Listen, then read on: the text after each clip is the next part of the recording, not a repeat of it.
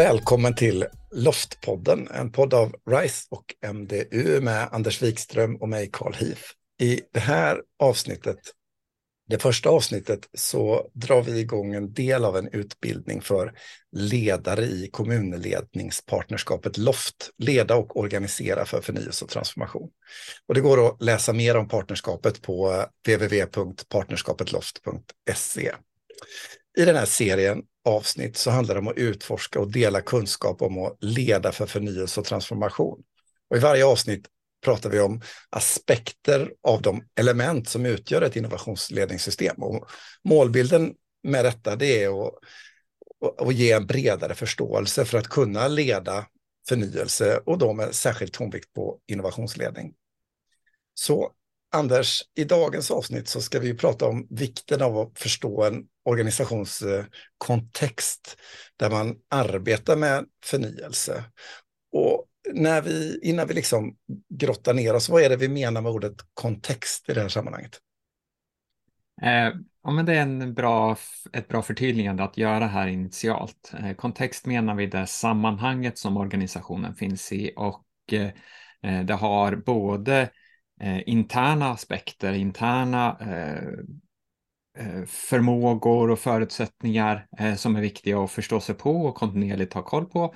Och också eh, de externa frågorna som påverkar organisationens syfte och mål och hur man faktiskt arbetar och vad det är för någonting som man vill uppnå. Så att organisationens kontext är egentligen att förstå hela organisationens sammanhang. Det låter som en ganska omfattande sak att, att, ha koll på. Men vi kan försöka bryta ner det här lite mer så att vi eh, förstå lite mer vad vi menar med organisationens eh, kontext. Men, men, vad är det som gör att det här är så viktigt just när det kommer till förnyelse och, och innovationsarbete? Vad är det som sker i organisationens eh, kontext som är så viktigt att, att veta? Eh, Ja, men i den bästa av världar så sker det ju inte jättemycket kanske utifrån ett förändringsperspektiv i, i organisationens yttre kontext. Eh, men som vi alla vet så sker det väldigt, väldigt mycket runt omkring i vårt samhälle Eh, som både är positiva saker och som är negativa saker och det sker eh, lagförändringar och det sker eh, andra typer av krav på en som organisation. Och de här sakerna behöver man ju kontinuerligt känna av och, och förstå vilka signaler som kommer till oss och hur vi kan faktiskt använda de signalerna till att skapa eh, någonting nytt eller att ändra på sättet som vi faktiskt idag skapar värde eller eh, arbetar utifrån. Så den är faktiskt ganska central för att eh, både få eh, input och eh, nya möjligheter men också se vad det är för någonting som faktiskt hindrar eller eh, påverkar den egna organisationens övergripande mål och syfte. Jag tänker just på det där med det du säger nu med övergripande mål och syfte. Att I en eh, politiskt styrd organisation som en kommun är så har man ju en politisk vilja och en vision någonstans som man vill färdas iväg kring. Eh, och sen har vi ju förmågor i organisationen, vad vi förmår och kan göra. Eh, och att ha koll på det på något vis, det är ju att ha koll på, kan vi kalla det för invärldens kontext, att vi kan liksom veta hur vi själva är och vilka möjligheter och utmaningar vi har och så. Och sen har vi det här som är i omvärlden utanför som vi då måste liksom förhålla oss till och i vissa lägen reagera på liksom när det händer någonting som vi inte hade förutsett eller sådär. Eller tänker jag också att det kanske är någonting som vi ska agera på som är någonting som vi kan se kommer att hända i omvärlden och som vi behöver så att säga ta höjd för och som innebär att vi måste ge oss ut på ett arbete av förnyelse eller att göra på något annat sätt än vad vi hade tänkt oss att vi skulle göra eller så. Är, det, är jag på rätt spår här när jag illustrerar det på detta sättet? Ja, men absolut. Och jag menar, ett exempel skulle kunna vara den här demografiska eh, utvecklingen som vi har i samhället idag, som ju naturligtvis kommer att påverka jättemycket hur vi faktiskt kan leverera värde i en politiskt styrd organisation som till exempel en kommun. I relation till att vi blir färre och färre som faktiskt kan utföra arbetet, vara händer och fötter, så måste vi hitta sätt att faktiskt förnya oss på. Det är, en, det är en långsiktig trend som har pågått och som vi har vetat om länge, men som nu börjar göra sig riktigt, riktigt eh, aktuell och börjar kännas i organisationer också. Så det är, en, det är en typisk sån långsiktig trend som pågår. Men så finns det också de här kortsiktiga eh, aspekterna som kommer upp eh, kontinuerligt i, i form av förändrade beteenden i, eh, i hur en, en eh, barn eller ett ung, eh, ungdomar rör sig i staden till exempel, som också är signaler som vi kanske behöver eh, agera på och där vi kan vara mer mer proaktiva för att styra de beteenden som, eh, som uppkommer. Jag använder två ord här, invärlden och eh, omvärlden. Vad, vad är liksom relationen mellan detta med liksom mina inre organisatoriska som förmågor eller sättet jag är organiserad på eller kunskapen och resurserna jag har och omvärlden? Vad, vad betyder det att förstå liksom, omvärlden i relation till den här invärlden? Om jag skulle säga att det handlar väldigt mycket om att försöka matcha de tillgångarna som man har internt i organisationen med de eh, förändringar utav både och uppkommandet av de behoven som vi ser i samhället. Eh, och om vi har en bra matchning mellan dem, ja men då kanske vi bara kan jobba på eller fokusera på rätt saker att, att arbeta med. Men om vi har Eh, en sämre matchning däremellan så kan vi ha behov av att sakna samarbetspartners med, med andra organisationer eller att vi kan behöva rekrytera nya kompetenser in till den egna organisationen. Så här handlar det eh, egentligen om att kontinuerligt titta på matchningen mellan eh, de tillgångarna som vi har och de behoven som uppkommer kontinuerligt eh, och förändras kontinuerligt i samhället i stort. Och här förstår jag då att liksom ett sätt att hantera att jag inte själv har resurser för saker och ting, det handlar om samverkan och att kunna jobba ihop med andra och att ha en relation till intressenter, andra intressenter och aktörer. Det kan ju handla både om samverkan men också föreställer mig att ha liksom, under uppsikt intressenter eller aktörer i omvärlden som faktiskt påverkar mig på olika sätt. Att jag som kommun har i min omvärldsbevakning att jag förstår vad som händer på nationell nivå i, i regeringen eh, och i riksdagen till exempel. Eller om jag jobbar i en eh, eh, förvaltning, att jag har koll på de myndigheter som finns i relation till min förvaltning och håller mig liksom uppdaterad och, och vad det nu kan vara. Men att jag också kan liksom ta rygg på eller hjälpas åt med andra när jag behöver det och att de här samarbetena som, som du beskriver, att det kan finnas ett värde i att de liksom, nätverken och grejerna de finns där för att faktiskt kunna dra nytta av dem när man behöver, snarare än att behöva så att säga, uppfinna dem i stunden där man står. Att det är en del av den här kontexten, att förstå den och de här andra organisationerna handlar om att, att faktiskt ha det här relationella sammanhanget så att man kan möta omvärlden på ett bättre sätt. Ja, men absolut. Eh, jag, jag, skulle aldrig kunna sagt det så bra som du sa det nu, Karl.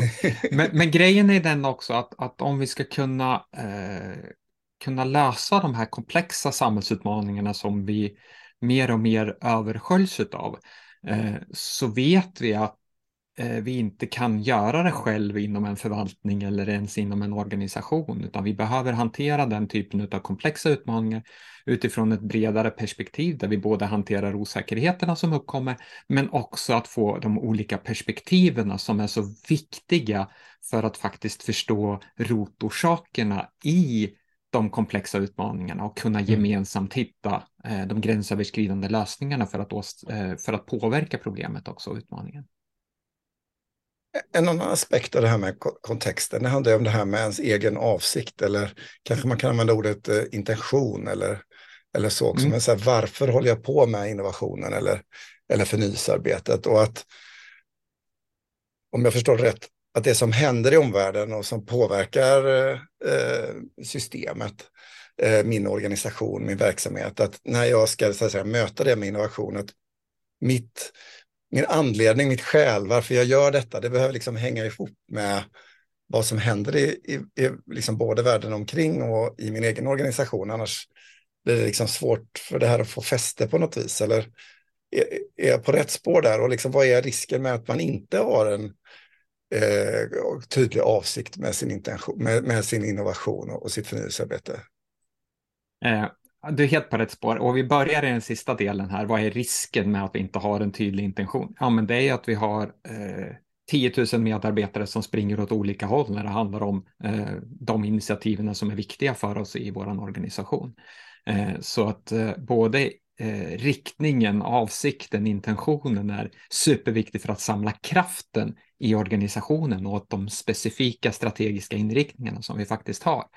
Eh, och eh, Eh, den andra delen eh, handlar om eh, mer att om vi har en strategisk, om vi har en intention, en avsikt med vårt innovationsarbete och glömmer bort att se på kontexten och hur den förändras och de förändringarna kan ske oerhört snabbt i vissa sammanhang och ta längre tid i andra. Men om vi inte har koll på de sakerna kontinuerligt över tid, då kan det vara så att vi, vi håller på och innoverar någonting eh, som tar lång tid att innovera eh, när vi väl är framme så har förutsättningarna i kontexten förändrats så pass mycket så att det är, eh, det är liksom det, det, skapar inget värde längre utan eh, ah, beteendena okay. har ändrats eller, eller sammanhanget har ändrats, situationen som den här innovationen ska in i har förändrats så pass mycket så att det är inte längre en innovation utan det, det är någonting som kanske till och med någon annan nu levererar in också i den här situationen. Så att